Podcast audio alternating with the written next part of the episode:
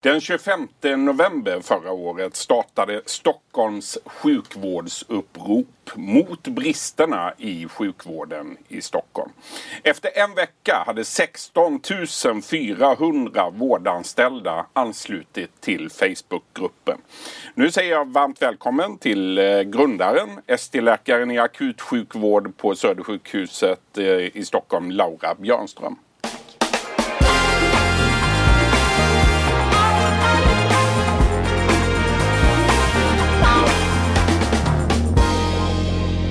Eh, ja, du startade det här uppropet tillsammans med din kollega Akil Awad eh, och ni gjorde det i november förra året. Varför var det viktigt för dig? Det var viktigt för att eh, visa på att eh, bilden på golvet bland oss som jobbade i sjukvården i Stockholm eh, inte delas av beslutsfattarna helt enkelt. Och det var viktigt att skapa en plattform för oss på golvet att faktiskt försöka få ut våra, vad ska man säga, vår verklighetsuppfattning om hur det faktiskt ser ut. Och det var också så att vi behövde liksom vittna om vad vi såg och patienternas vägnar. Eh, vi har väldigt lite egenintresse i att göra det här. Eh, det är väldigt mycket så att vi känner att vi behöver visa vad som faktiskt händer eh, på golvet och att det är ett strukturellt problem i, i hela Stockholm och att det beror på fel prioriteringar. Mm. Och därför var det väldigt viktigt att, att samla oss som, som vårdpersonal på golvet, vi som faktiskt ser verkligheten varje dag. Och gensvaret har ju varit enormt. Vad säger du om reaktionerna som kommit på uppropet?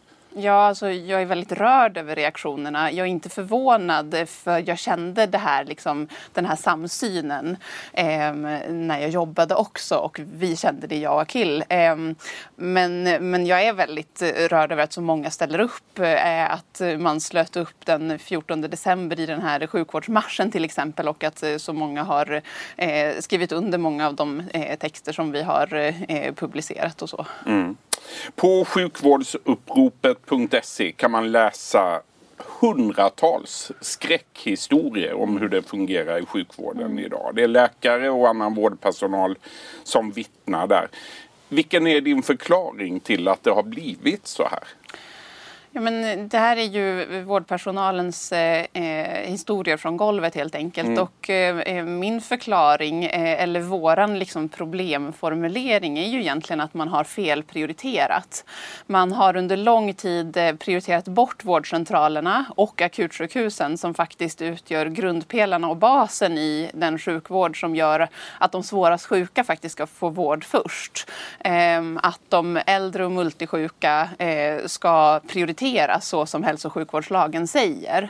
Eh, och har man då prioriterat bort det till förmån eh, för andra typer av, eh, av verksamheter, till exempel nätläkarbolag, vårdval, närakuter som snarare liksom spär på vad ska man säga, söktrycket, då, då blir det ju så här. Alltså, det finns ju liksom ändliga resurser, det förstår vi och vi kräver inte oändliga resurser till sjukvården utan man måste prioritera rätt rätt mm. för att de svårast sjuka ska få eh, den vård som de behöver och alla ska få eh, den vård de behöver. Men man måste, man måste göra de prioriteringarna så att eh, patienter 90 plus inte får ligga i ett halvt eller ett helt dygn på akuten och vänta på vårdplats.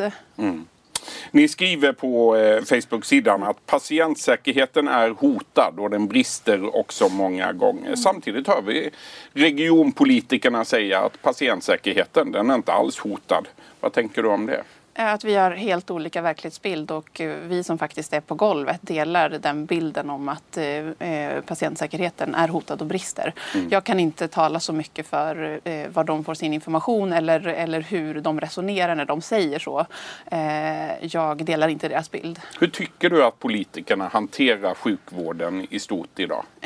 Ja, men jag talar för Stockholmsregionen. Ehm, det är där vi liksom har riktat in mm. oss. Och som jag sa förut så är det fel prioriteringar. Man har prioriterat bort det absolut viktigaste, vårdcentralerna och akutsjukhusen.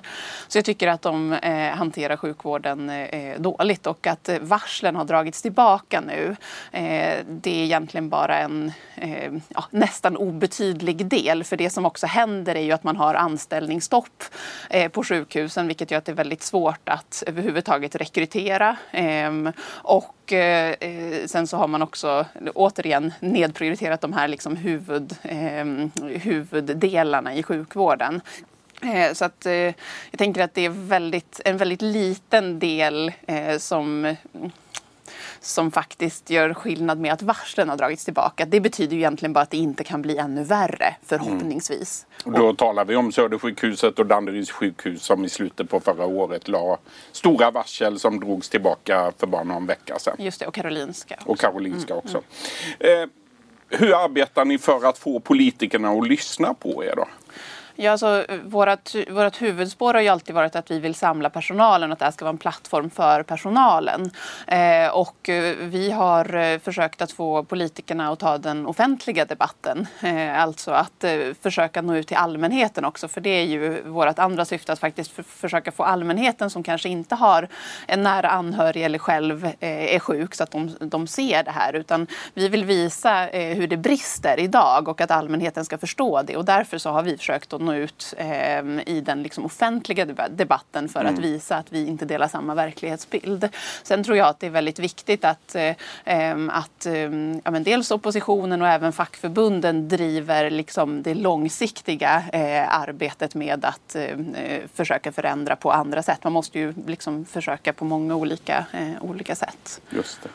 Så här i coronatider då, hur skulle du säga att beredskapen i Sverige ser ut idag för att klara en massspridning av det här viruset? Ja, men alltså, jag tycker det där är en väldigt svår fråga och det är klart att jag inte är en expert på varken eh, epidemiologi eller, eller virussjukdomar eller corona för den delen. Men många, många sjuka på ja, en gång. Ja, precis. Eh, och det är ju också så att när man liksom har en Eh, när man har eh, ett, en krissituation så kommer man ju behöva prioritera på andra sätt och det förstår jag. Men, men, när det är så pressat och man inte har några som helst marginaler så som det ser ut nu.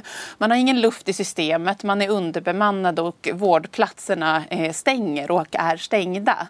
Då är det klart att eh, det kommer vara en mycket sämre grundsituation för ett stort utbrott av corona än vad det hade varit om vi hade haft en, ett liksom normalläge där beläggningsgraden beläggningsgraden inte hade varit 105 procent. För så är det faktiskt. Beläggningsgraden på avdelningarna, eh, om det var i slutet av förra året eller i början av 2020, var 105 procent.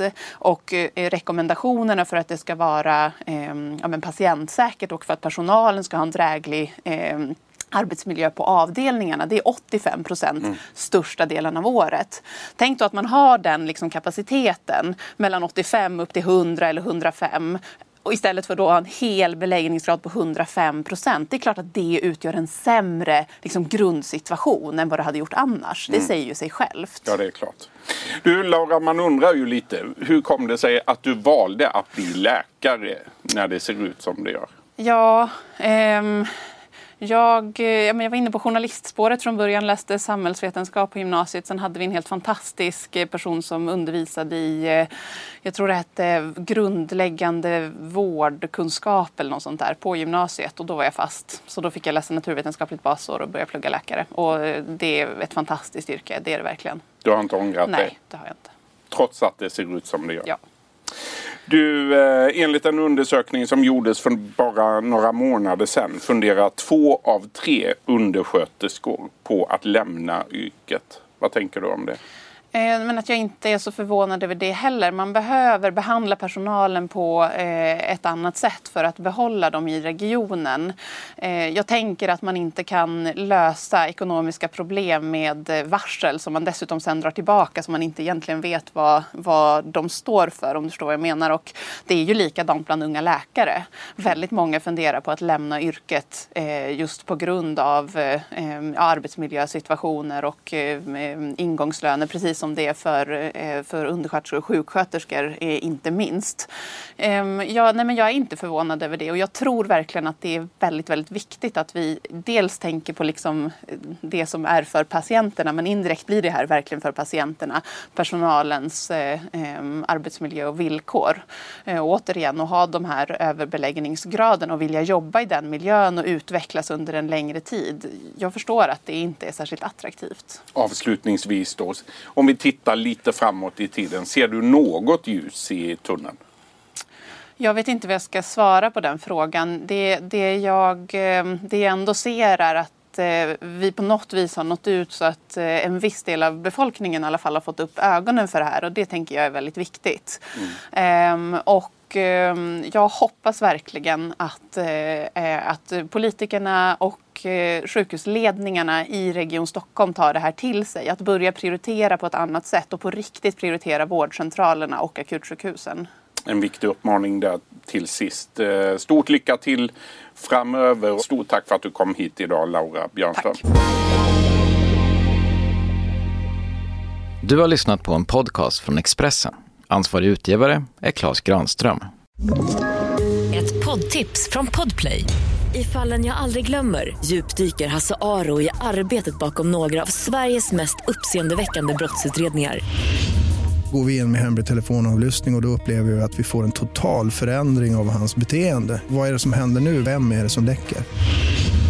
Och så säger han att jag är kriminell, jag har varit kriminell i hela mitt liv men att mörda ett barn, där går min gräns.